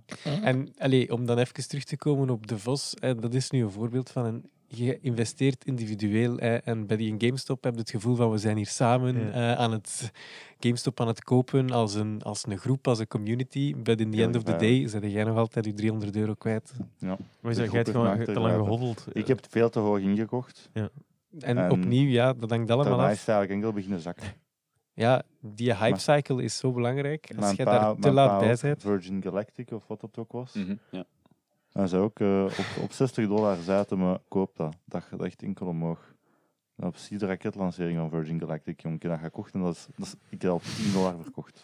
Ik heb dat aan 60 dollar gekocht. Mm. Dus ja, ik pak geen advies meer aan van vreemden. Daar komt eigenlijk Nee. Pupa. Do your own Lessons learned the hard way. Ja. Dus ja, gewoon ETF's voor mij. Ik vind dat persoonlijk de makkelijkste manier om te investeren. Want jullie zijn gebeten door die microben. Ja. Ik ben absoluut niet gebeten door die microben. Ik, allee, dat kan wel interessant zijn, maar keer niet in de maat. Hij zet er alleen maar zieker van. hoor. Maar niet acht, niet acht à 10 uur, de, uur per week of zo. Dat vind ik dat wel makkelijk, want ik weet, ik ga gemiddeld 6% rendement halen. Ik steek daar om de zoveel maanden wat geld bij. Ik kijk daar niet te veel naar. Mhm, En als best ik raak 60 natuurlijk. ben, ben ik op mijn gemak. Voilà. Als de wereld dan nog bestaat. En jij. En ik. Ook niet gezegd. Hè. Vooral jij. hè. Ja. Heel belangrijk Ja, detail. pas op, dat weten nog zo niet. Hè. kan veel gebeuren op 60 jaar. Het is zelfs zo lang niet meer. Ja, we zijn bijna, we zijn bijna 30 vriend. Oh ja, het is juist. Het is juist. Wow, Fleur van je leven, jong. inderdaad. Ehm, eh, nog zo'n hype even benoemen. Fire, boys. Fire. Wat denken we? ehm, het is, is het gewoon een principe en kunnen er niet veel tegen hebben? Eh het is zoiets van, het is, het is een mooie gedachte, ik wil het bereiken. Of het is zoiets van, oh, het interesseert me niet. FIRE is Financial Independence Retire Early. Het Ja. idee van heel sterk te sparen en te, spa en te investeren in je jongere jaren om daarna op je 40, 45 met pensioen te kunnen gaan. Maar het idee om heel veel te sparen en te investeren is eh, financial independence kan niemand iets tegen op hebben. nee. Ik denk, Ja. als iedereen dat zou zijn, zou dat net prachtig zijn, want dan kun je ja, de keu- gaan en staan wat je wilt, zonder dat je onder druk staat van iemand. Ehm, maar het per se moeten vroeg in pensioen gaan, ja, daar hebben we wel mijn vraagtekens bij, als je graag doet wat je doet. Ja. Ja. Kijk, mensen die 80 zijn en nog altijd eh, aan het doorwerken zijn, eh, maar natuurlijk wel. Als je je job niet graag doet, kan ik wel geloven dat dat, dat heel leuk lijkt om aan 40 te kunnen stoppen. Om een beetje van het padje te gaan, dat we ook denken, weet je, is altijd van die, die life coaches, mensen die zo zijn Mhm. beginnen travelen en vloggen en zo eh life coaching doen. Mhm. En dan zo van op een eiland in Thailand zitten te zeggen van eh, guys, if everybody would just embrace this positive energy and be grateful for the day, everyone can live this life. En ik denk altijd van ja, maar ja, gast, als iedereen een life coach is, hoe leven we dan? Snap je? er is sowieso een harde limiet op hoeveel mensen dat op die manier kunnen leven. Want jij hebt sukkels nodig gelijk ons, die niet tevreden zijn, die u geld geven zodat jij dat kunt doen op een eiland in Thailand. Niet iedereen Maar kan ja, dat doen. die presenteren zich ook als succesvol voor, maar Mm. je hebt totaal geen idee hoe suc- hoeveel, Nee, dat is hoeveel waar. dat ze hebben. En dat zo met Financial Independence Retire Early. Zo, ja, weet als iedereen stopt op zijn 45, dan, dan komt het ook niet goed. Daar ben ik dus eigenlijk niet zeker van. We produceren meer dan dat we nodig hebben. De koer. Dus moeten we allemaal wel nutteloze jobs doen tot ons 60? Maar er, is gewoon, er moet wel arbeid dat is dan altijd- wel je hebt weer iets altijd anders. arbeid Ja, ja, nodig. ja, Je hebt ja, altijd ja. arbeid nodig. Ja. In, in een zekere zin. Ah, ja. Iemand moet de straten proper houden. ja. Iemand moet het eten maken. Ja. Iemand moet de gebouwen bouwen. Ja. Iemand moet de oude mensen hun broek Iemand, verversen. iemand moet Salesforce verkopen. Mhm. Salesforce Oh ja, verkoopt echt, hè? zichzelf. Ja, omdat het wel een inderdaad. fantastisch product is. Ik Topproduct. bedoel, Ja. ik begeleid een prachtig leidende vogel. Eigenlijk door zijn wij, zijn wij dan nog nodig. Ik denk dat je mijn werk kunt outsourcen met ChatGPT. Ja. Ik denk dat wel. Maar laten we niet te veel praten over ons werk op de podcast. Want Hoe ontsla je jezelf in één podcast? Dit is mijn hobby. ja, ik ga echt wel werken bij. Ja. Ehm, nee, maar is, is, het, is het iets waar jullie zelf ook mee bezig zijn? Of is het waarvan je denkt van... Aan de ene kant vind ik het wel, het is iets, iets, iets catchy, marketingachtig weer. Van veel mensen zijn ermee bezig omdat je weer met een kort acroniem FIRE zit. Dat slaat aan, mensen willen niet per se heel lang werken, dus, dus mensen streven daarnaar. Maar het beweegt zich wel naar meer financiële geletterdheid bij de gemiddelde mens dan. Ehm, Het is toch, eh, de FIRE-beweging is toch ontstaan eh, door Bogle, hè? Ja, Door de eigenlijk uitvinder bestaat van het de al ETF. heel lang. Ah, voilà. Het bestaat al meer dan eh 40 jaar, eh, of Ja. 40, eh, jaren 70 denk ik zelfs. eh. Mhm. Het feit dat dat nu ook weer naar boven komt, is ook weer het voorbeeld van misschien is te veel een hype. En dat is ook het type Ja, mensen. Mensen gaan dus ook vaak in ETF's gaan beleggen. Om in vastgoed. Heel agressief Mm. investeren. En dan met het idee dat ze een bepaalde waarde bereiken. Waarvan ze weten, oké, als mijn, mijn, eh, mijn rate, waarbij dat ik geld Mhm. afhaal, bijvoorbeeld 5% is. Ik kan beheren dat ik Mhm. elk jaar minstens 5% rendement kan maken. mhm. Dus ik kan ook 5% afhalen en elk jaar hetzelfde bedrag overhouden ongeveer. Dat bijvoorbeeld dan 25 of 30.000 do- dollar is. Dus ze hebben dan een miljoen bij elkaar gespaard. En daar leven ze dan mee. Dat is een beetje de... Dat is net ook een risico op vandaag, omdat ze net zo agressief gaan beleggen. Alles Ja. in ETF's of heel sterke vastgoed, zelfs met lening erbij, omdat het toch enkel maar stijgt.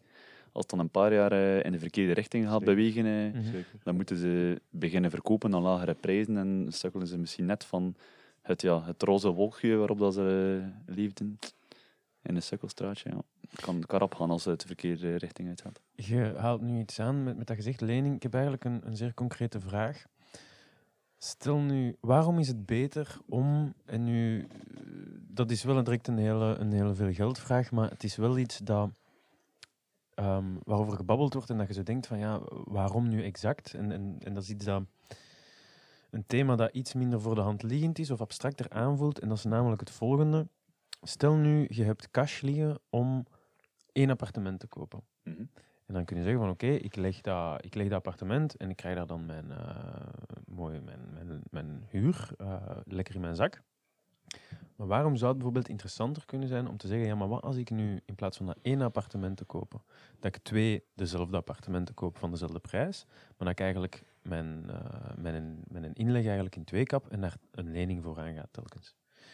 Is dat, dat is, dat is een wat hefboom, Mhm. maar ik zou dat even willen vanuit eh, nul babytaalbasis willen vragen aan jullie. Van, kunnen dus kaderen waarom dat interessanter is? dat altijd interessanter? Is dat meestal interessanter? Ehm, hoe, hoe gaat dat een beetje in zijn werk? Als uw project rendabel genoeg is, eh, Ja. zal dat, als alles loopt volgens het plan natuurlijk, zal dat zeker eh, interessanter zijn. Ja. Want stel, eh, goh, van een appartementsgebouw, je hebt een miljoen euro. Ja. En je project om te bouwen kost een miljoen euro. En met die miljoen euro kan je net alles gaan bouwen. En er wordt berekend ehm, op voorhand van ja, oké, als alles volgens plan loopt met de kosten en de verhuur over de komende 15 jaar, zal dat ongeveer een waarde hebben van eh 1,2 miljoen euro. Zou je kunnen zeggen, als je dat puur financiert met het geld dat je hebt, heb je eigenlijk een 20% eh, return op je initiële miljoen euro. Afgezien, mm, maar dan heb je ook nog de huurprijs dat je eigenlijk niet hebt. eh, of de huur dat binnenkomt, is er ook nog, toch? Ja, dat is, maar dat, mm, die huur dat binnenkomt, zit eigenlijk mee in de finale waarde van 1,2 miljoen. Oké. Als we- dus eigenlijk dan, dat is dan eigenlijk alles de waarde van wat is het gebouw waard, wat zijn Mhm. de cashflows die je eigenlijk krijgt uit het verhuren ervan, min de kosten van het te verhuren via een IMO of zo. inkomen, al die Kan, ja, voilà, belasting, ehm je lift onderhouden, eh, eventueel schade van een vaatwas dat moet gefixt worden, eh, alles erop. Stel dat de, dat de marktwaarde dan effectief 1,2 miljoen is, heb je een miljoen betaald, zou je kunnen zeggen, op je geld heb je een rendement van 20% behaald. Mhm. Maar in plaats van dat miljoen eh, zelf te investeren, als je zegt van kijk, ik ga eh 500.000 leggen en ik ga 500.000 lenen, eh, dan ga je natuurlijk iets meer kosten hebben, want je gaat de interesse moeten betalen. Ja. Maar als die marktwaarde van die cashflows en de waarde van dat gebouw nog altijd 1,2 miljoen hebben, finaal op het einde van de rit, als je lening afbetaald hebt, heb je eigenlijk 500 geïnvesteerd.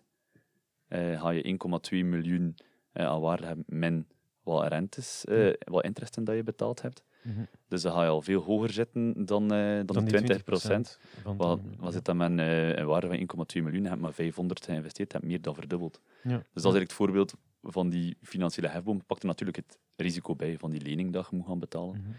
Dus op het moment dat het bijvoorbeeld zou tegenvallen, je appartementen staan niet op een interessante locatie, de huizenmarkt eh, krijgt in elkaar en niemand is er geïnteresseerd om te, om te gaan huren daar, of ze zijn gewoon te high class voor eh, de mensen daar in de buurt en je Mhm. krijgt ze niet verhuurd, Ja. ga je misschien op een bepaald moment eh, problemen hebben om je lening te betalen. Dat is enkel voor de commerciële verhuur natuurlijk. Voor je eigen huis ja, ga je dat niet echt zo Ja. gaan berekenen. Nee, nee, nee. Ja. ja, we hebben het over investeringen natuurlijk. Ja. Ehm, wat zou, zou je zelf eh, zeggen van ik, ik koop het gans of ik doe een lening? En ik, en ik reach een beetje higher met het, het totaalbedrag van, ehm, van het pand? Ik denk dat het altijd wel aangewezen is om eh, zeker een klein deel met lening te doen Mhm. als, allee, als de business case goed zit, als er voldoende marge is. Ja. Want nu staan, en bij vastgoed is het altijd zo, ze, je hebt de, je hebt de verkoopprijs die je online ziet staan ehm, en ze hebben een inschat, of je kan een inschatting maken van de huur. Die twee kan je afzetten tegen elkaar en je hebt dan eigenlijk al de bruto huur. Ja. Eh, als die bruto huur al heel laag is, eh, bijvoorbeeld 2,5 procent, eh, dan weet je ook, ja, daar moet, mijn kosten nog van aftrekken, moet nog mijn lening mee betalen, daar heb je amper marge. Ja. Om te beginnen is dat misschien al geen, geen interessant project om te kopen. Ehm, maar als er echt iets is dat je zegt van ik wil dat per se, eh, ik wil dat per se hebben, want het ligt ook net in de buurt dat ken, of gelijk welke reden, Mm, mm, mm. dan zou het dan misschien wel nog interessant kunnen zijn om dan met je eigen geld te gaan kopen. Maar dan, moet je, allee, dan spreken we toch al over de meer vermogende ja, zijn mensen. fameuze bedragen. En die gaan meestal wel ook wel de, de goede begeleiding hebben eh, op dat Ja. vlak. eh. Ja, ja. Voor een iets eh, snellere of betere berekening te maken dan wij hier nu doen. eh, bij wijze van spreken, aan de Ja, het van een bierkwartje. Het is een- ja, inderdaad. Je kunt alles altijd gaan, gaan kapot berekenen en dan gaan kijken waar dat de Ja. cut- cut-off point is van, van wanneer is wat het interessantst natuurlijk. Maar Ja, het is een beetje zowel technisch, eh, theoretisch als, als filosofisch. Dat ik het ook zo uh, wou vragen. Maar waarom dat ook interessant is om dan een deel met die lening te doen, dat niet al je geld erin zit, en dan kan een deel van je geld dat je niet in dat vastgoed hebt gestoken, Ja. elders gaan steken, waardoor dat je weer wat meer gediversifieerd bent. Mhm. Als zit het allemaal in je huis en er gebeurt iets met dat huis, of de huizenmarkt stort in elkaar, Mm. eh, ja, dan zit je gewoon veel meer geld Dus, kwijt. dus eigenlijk het antwoord op de vraag van zouden dan niet beter twee kopen, eh, of, of twee units of twee appartementen of twee projecten en dan de helft lenen telkens, zeg je eigenlijk misschien is het nog interessanter om te gaan diversifiëren en te zeggen van ja, koop er inderdaad eentje en steekt die al wel anderhalf miljoen dat je dan eh spreekwoordelijk liggen hebt in iets, eh Oh ja, in iets het hangt ervan af hè, wat Ja. dat je ook nog van andere zaken. Ja, Heb je niets anders van de bezittingen, dan is misschien nog, koop misschien maar eentje. En, eh, Ja, maar als je al twintig vastgoed hebt liggen, kijk dan een keer naar iets anders. ja, voilà, voilà. Twintig vastgoed liggen is natuurlijk kort door de bocht. Ik denk dat we andere kenniskringen hebben met vermogens. hè. Misschien nog, eh, nog één iets wat eh, vooruitkijkende vraag. Ja. Voordat we jullie de kans geven om ook eh er een beetje over geld te spreken. Komt er volgens jullie een, een grote crash aan? We hebben 2000 gezegd, 2007. Grote economische recessies, of toch crashes op de beurs. Er wordt al een tijdje gemompeld. Wat is jullie eh, niet-financieel adviseur kijk op de zaak? Beste, het- beste voorspelling. Maakt het- niet uit dat je niet alles kunt funderen. Wat denkt er dat er gaat gebeuren? En belangrijker, zeer specifiek, ik heb een ganse doos met zo van die Nalook-lipjes, van, zo lipjes van die, van die, eh, van die blikjes. Uh-huh. Is dat een goede investering geweest dan? Binnenkort als paspunt te gebruiken. Ja, no currency, baby. Bottle Dus, caps van een eh, Borderland. Nee, border... Valid, Van, valid, ja, dat is natuurlijk eh, een heel moeilijke vraag. Maar wat dat je ziet is, ja, de reële economie staat niet in verhouding met hoe dat de beurs nu aan het re- reageren is. En zeker sinds, wanneer was het, juli, is de beurs eigenlijk in een range aan het gaan, op en af, waarbij dat, dat wij eigenlijk zeggen van, ja, er is niet echt een trend gedefinieerd. De market is undecisive. We weten niet waar dat naartoe gaat. Dus zolang dat je niet ziet dat die een trend zich begint te ontwikkelen, zowel positief als negatief, kun je eigenlijk niet zeggen van ja, wat gaat er nu gebeuren. En dat maakt ons ook wat voorzichtiger om te, om te investeren enerzijds. En begint ook na te denken van ja, vanaf dat we meer bevestiging krijgen, dan weet je tenminste waar het naartoe gaat. En je zult misschien, hè, als je bijvoorbeeld long wilt gaan of je wilt aandelen aankopen, is het misschien beter dat je wacht op die trend en dat die zich effectief toont en dat je dan koopt aan een hogere prijs. Maar dan Mhm. zijn het tenminste zeker dat die trend zich ontwikkelt in tegenstelling tot nu. Te zeggen van, oké, de markt gaat op en neer hè, voor bijna een jaar. We gaan hier gewoon beginnen kopen, kopen, kopen. Eh, ja, dan ga je gewoon uiteindelijk kans hebben dat die, dat die markt toch naar een negatieve spiraal gaat. Mhm. Wetende dat we ook zien dat er veel bedrijven ontslagen eh, aankondigen. Dat, eh, allee, dat ze echt proberen om, om niet meer te focussen op groei, maar eigenlijk zijn bedrijven massaal bezig om hun kosten te minimaliseren. Mhm. Ehm, ja, dat toont toch aan dat, dat, er, ja, dat de productie in het algemeen achteruit gaat. Ja, het punt dat zegt jullie dat dat zei, maar het laatste jaar, sinds vanaf mei 2022 tot nu, staat de beurs eigenlijk op hetzelfde niveau. Het is Mhm. een heel stuk lager geweest, het is weer hersteld, weer een beetje lager hersteld. Maar eigenlijk kunnen we zeggen, we zijn een jaar nog nergens naartoe geweest. Terwijl als je dan de kranten leest, de ene week is het volle euforie van wauw, nieuw bull market. en eh, de maand ervoor is het van oh nee, fine, financiële depressie eh, in het vooruitzicht. Bankcrisis. Bankencrisis Ja, dan ja. ook even. Maar eigenlijk staat die beurs al een jaar op hetzelfde punt. En als je wat langere termijn bekijkt, is dat dan, ah ja, zo zot is dat eigenlijk nog niet. Ja. Maar in de reële economie, dus niet de, de beurs, wat dat er echt aan het gebeuren is, zien we inderdaad het is slechter en slechter aan het gaan. En ja, vroeg of laat moet er een van de twee gaan toegeven. Maar wie heeft er gelijk? Is het de, is de echte economie of is het de financiële? En ja, daar zijn we wat voorzichtig in. hè. En het is inderdaad wachten tot dat moment dat er een duidelijke richting wordt gekozen. Want ja, als ze nu vol een bak zegt van het gaat crashen, en je hebt geen gelijk, ja, dan zijn eigenlijk aan het speculeren, niet meer aan het investeren. Ehm kunnen heel veel geld verliezen, omgekeerd ook natuurlijk.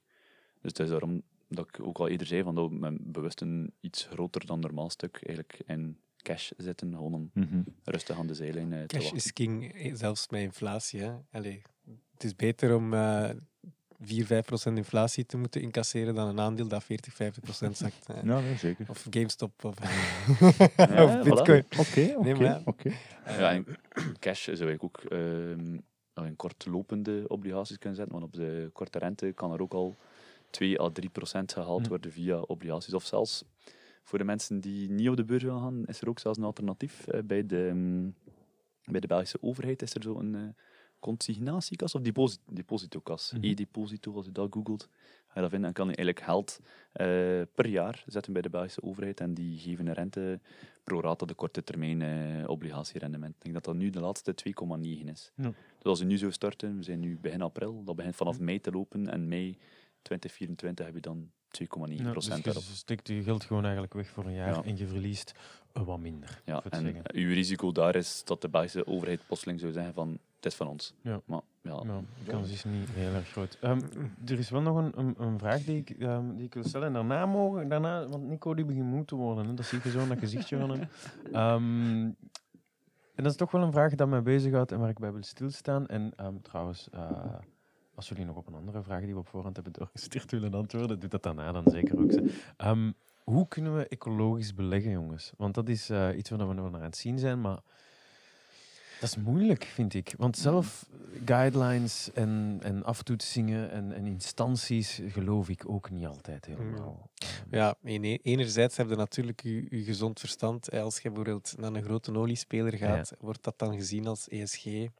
Misschien niet. Maar wat dat er wel kan helpen, is dat je bij je, je brokers, zoals een, een Maxim doet dat, ik denk een Links ook, dat je eigenlijk zo'n soort ja, vragenlijst kunt beginnen invullen, zodanig dat die je ESG-profiel wat, wat beginnen te shapen. Zodanig dat je ook een idee hebt van, oké, dat zijn de, de waarden voor mij, of de dingen die belangrijk zijn voor mij, om, om daarin in te investeren. Dus dat is al een hele goede stap. Daarnaast heb je ook fondsen die zich specifiek op ESG eh, focussen. Ehm, Wat is ESG? environmental social. en governmental. Ja, dus al die factoren. Ja, en dat is ook iets, allee, dat, is ook iets dat deel eh, de laatste jaren zeer, zeer hip is geworden. Hè. Ehm, en, en die ESG zelf, dat verandert ook. Dat is ook iets dynamisch. Hè. Bijvoorbeeld, beste, allee, ik denk dat het beste voorbeeld kan zijn. Ja, we zijn heel gefocust op die groene energie. Ik denk dat pas sinds vorig jaar is dat Europa gezegd heeft dat oké, nucleaire energie valt onder groene energie. Waardoor dat er ook al heel veel mensen zich aangevallen voelen van wat zeggen die nu, hè? wat bedoelen ze daarmee? Maar aan de andere kant, hè, uranium, eh, nucleaire energie is een van de krachtigste en de, de properste energieën naast natuurlijk het afval, maar dat is ja, vrij miniem, ehm, die we kunnen genereren. Ehm, dus ja, dat is ook iets dat, dat verandert met de, Ja. met de maatschappij. En dan is het dubbel natuurlijk, want enerzijds zet je in op die groene energie, ja, uranium, Mhm. minder uitstoot dan gas en olie, maar anderzijds zit je nog altijd met een component mijnbouw, en dat is van, ah, hoe rijmen we dat? Voor sommige mensen is dat in hun hoofd van, ah, Dus dat lukt niet. ethisch voor mij klopt dit niet. Trouwens, Ja, voilà. ehm, voor de mensen die dieper in die uraniumkwestie willen gaan, jullie hebben een driedelige blogpost eh, op, op de website staan. Ik, ik wou er iets over vragen, maar ik, de mensen moeten het maar zelf, eh, moeten het maar zelf gaan checken. Ehm, dus jij zegt, jullie zeggen wel voornamelijk eh, eh, een beetje common sense en een beetje zelf gaan kijken naar eh, wat en hoe. Het is ook voor, voor jezelf belangrijk is. Hè. Ja. Ik ga bijvoorbeeld niets kopen dat wapens produceert, of dat ik weet van dat zijn twijfelachtige kinderarbeidpraktijken, of die gaan... eh, Maar een ETF bijvoorbeeld, ja, Apple is voor mij twijfelachtig. Ja. Minst- minste, Mhm. ten minste ja, zeker. Tesla nog meer, maar die zijn wel de paradepaardjes bij de ESG-fondsen. eh. Ja, ja, Ja, absoluut. Ja, inderdaad, absoluut ja. En dat, dat En- vind ik dus niet kloppen. Maar nee, ja. zeker niet. Maar je moet ook niet vergeten dat, alleen, it's business, hè. Het blijft business voor die mensen. En als zij een Ja. ESG-fonds maken hè, en ze weten dat hun, de mensen die dat kopen, dat die daarin geïnteresseerd zijn, ja, dan gaan die dat nog meer pushen. Maar achterliggend, is dat dan effectief zo? Allee, nee, opnieuw, do your own due diligence. Hè. Is dat ze geven mensen een goed gevoel van, Ja. het doet goed voor de Mm. planeet, Maar- je bent een goede mens. En ondertussen betaal je een half procent meer beheerskosten, omdat ja, we moeten natuurlijk ons best doen om die eh, juiste bedrijven te selecteren. Onkruid, Dus, eh, wieden, middels bio. Wat? Nee, sorry, dat was een op. Ja, maar je werd niet duidelijk aan het spreken. Ik wou zeggen... Onkruidwieden in het fonds actieve beheerskosten. Ik kwam hem niet herhalen. Ik vond dat hem niet slecht, ik vond hem goed. Bij mij zit het juiste adres voor zo'n mopjes, dat weet je nu toch. Wat is dat nu? Ehm voilà. Ehm, tenzij, laten we het eerst het volgende vragen. En als je daarna nog denkt van we willen hier nog wel iets kwijt of, of nog even onze expertise tonen, doe maar zeker. Maar kunnen mensen jullie steunen? Ik heb gezien er is een Discord. Ge- Geef, geef daar eens een pitchje van, een, een shout-out. Hebben jullie geen Discord? ja, ja. Ja, voilà, voilà. Geef daar eens een pitchje van, een, een shout-out. Kunnen mensen jullie steunen? Waar, waar zitten jullie op? Waar kunnen ze jullie bereiken? Vert- vertel het eens, jongens. Misschien eerst eh, Discord, ja, dat is eigenlijk zo wat de community dat we proberen te creëren, waar dat we die proberen te structureren op, ja, op basis van investeringsthema's, eh, ook een stukje over technische analyse, wat updates, Specifieke In aandelen die we volgen, specifieke bijvoorbeeld. aandelen, eh. ja, portfolio die wij geldvals portfolio noemen, Mhm. of onze uranium ETF-tracker. Ja. Allee, Het zijn nog maar eh, ideeën om, om, om eigenlijk ervoor te zorgen dat er toch wat meer community is en wat meer awareness. En dat, Mhm. allee, ik denk dat het grootste probleem van veel beleggers is dat zij zeer individueel werken. En, en dat is ook zo misschien in België wel een taboe van ik wil niet praten over mijn financiën, maar Mhm. het gaat er niet over hoeveel geld dat je hebt. Maar het feit dat je ideeën kunt sparren met iemand anders, geeft je wel inzichten van ja, is dat nu wel de juiste beslissing? Hè? Zit ik hier juist of niet? Mhm. Eh, en dat is wat dat we daar echt wel proberen te doen. Hè. Zorgen dat mensen wat met elkaar beginnen te praten over, over hun interesses en hun, hun investeringen. We staan nog in de kinderschoenen momenteel, denk ik een Mhm. dertigtal leden. Dus, eh, Dat is wel een mooi beginnen. absoluut. Ja. We hebben er minder, we hebben geen Discord. Wij, we- weten hoe moeilijk het is om organische community Ja. te bouwen. Het zo. Ja, absoluut. maar ja, anders, vroeger was dat eh, naar elkaar eh, doorsturen van ah, dit en dat gezien. En dan plotseling komt er een derde en een vierde mening Mhm. bij. iemand die andere bronnen had gaan raadplegen. Ah, die is uit, nou nooit Ja. van gehoord heb. En ze zijn weer weg. en een bepaalde investeringsthese die je hebt, dan misschien, oh, nee, die staat op losse schroeven nu. eh, of Ja. net andersom. eh. Dus als er iemand denkt, ik wil misschien mijn financiële geletterdheid wat bijwerken, ze kunnen zeker naar de Discord gaan. De links en zo komen uiteraard ook Ja. weer in de Mhm. show notes. Ja, dat is ook natuurlijk te vinden op jullie, op jullie website. hè. Ah, werk hebben met die show notes, man. Dat is ongelooflijk. Het is, eh, hopla, dat is, dat is, dat is doorverwijzen, doorverwijzen, doorverwijzen. Ik, zal, ik zal maar een keer toevoegen. Je ziet, ik zie 44 members zot. Is dat tijdens deze recording eh, tegen, eh, dat is niet livestream. Live op Instagram, hopla, let's go. Ehm, Ja. Ja. dan denk ik dat we, dat we ongeveer rond zijn met de vragen. Tenzij jullie nog topics hebben die voor de geest komen.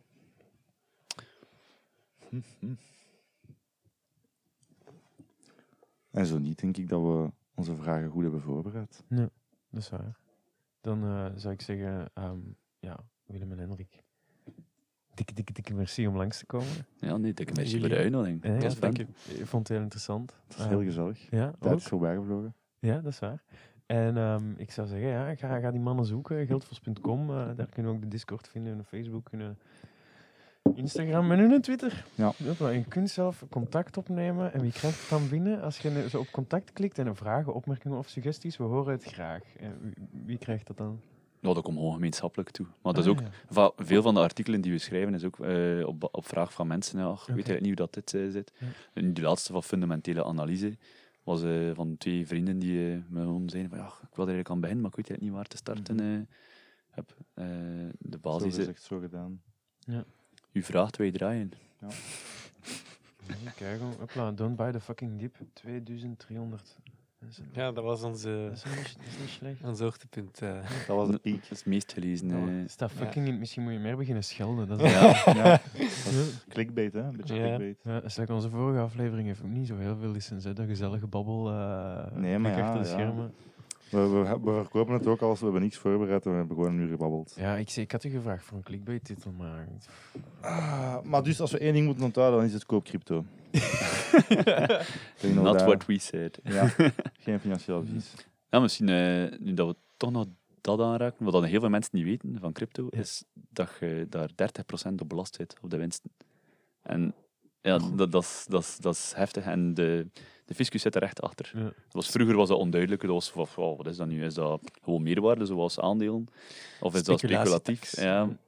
Wat is een speculatietax? Het wordt gewoon onder eh, diverse inkomen gerekend. eh. is eigenlijk Eh, speculatie. ja, ja, omdat ze dat beschouwen als niet goede huisvader. Ja, ja, Dus, eh, En nu kun je u afvragen van, ja, ze weten dat toch niet, maar er is altijd een spoor. Mm. Namelijk, je gaat ja, naar je crypto-platform, kopen mensen munten aan, die ze trouwens nog niet eens zelf bezitten. Die zitten op, die, op dat platform. En je moet ook zo van die kies doen, eh, know your customer, eh, zodanig dat eigenlijk de fiscus weet dat jij op die platform zit. Ja, Jammer. dus allee, zeker als ze de winsten maakt, zou ik toch al ja, Ja. durven zeggen van, allee, geef die aan, want als dat, als dat later uitkomt, de, Dat is het helemaal fucked. hè. ja, voilà, de, die boetes zijn echt niet mals. Amai. Oké, dus dat is trieste koop, koop om- crypto en geef het Ja, aan. Zo'n maar Nico heeft daar geen probleem mee. Ja, fiscus, ik ben 150 euro verloren. Krijg ik dan een cashbank of hoe zit dat? Nico, de truc is buy low, sell high. Oh, Nee, voilà. Doen wij een outro? Eh, hebben we een outro? Begin, ik, ik zal aanvullen. Voilà, dit was hem voor deze 27e Maar het is niet echt proefperiode, ongeveer ook, hè. daar. Dit zijn, we zitten aan aflevering 40 bijna. Bedankt voor het luisteren. Bedankt aan onze twee fantastische gasten. Ja. Kijk naar de show notes. Mhm. Kijk naar de socials. Ja. Sander maakt altijd leuke afbeeldingen. ja, klopt. Ehm Ik doe mijn best. voilà, beste einde ooit. Ja. En wat zullen we de volgende keer doen? Ik weet Schaken. het niet. Ja, Schaken, maar Sander heeft nog niet willen schaken. ik heb nog mij, niet dus geschaakt. We zijn, al, Ik weet niet of de proef echt gaat lukken. we zijn al bijna een maand bezig. Maar ik heb nog, ik heb nog niet geschaakt, jongens. Chess.com, free trial. Ja, en ja. direct een paar Ja, maar het is niet een probleem van niet te, niet te weten, het is van niet te willen. Ja, het, is Ah, niet, oké. te- het is niet te willen. Enkel tijd maken. En, niet, discipline en niet nadenken over. De Het is alles, ingesteldheid. voilà, alles, alles komt samen. Bij deze, het is een lange aflevering geweest, maar een heel interessante. Dus bedankt om te blijven luisteren tot hier. Eh 10%, 5% die nog het luisteren is. En ik zou zeggen, nu gaan wij 10 seconden stil zijn voor de opname.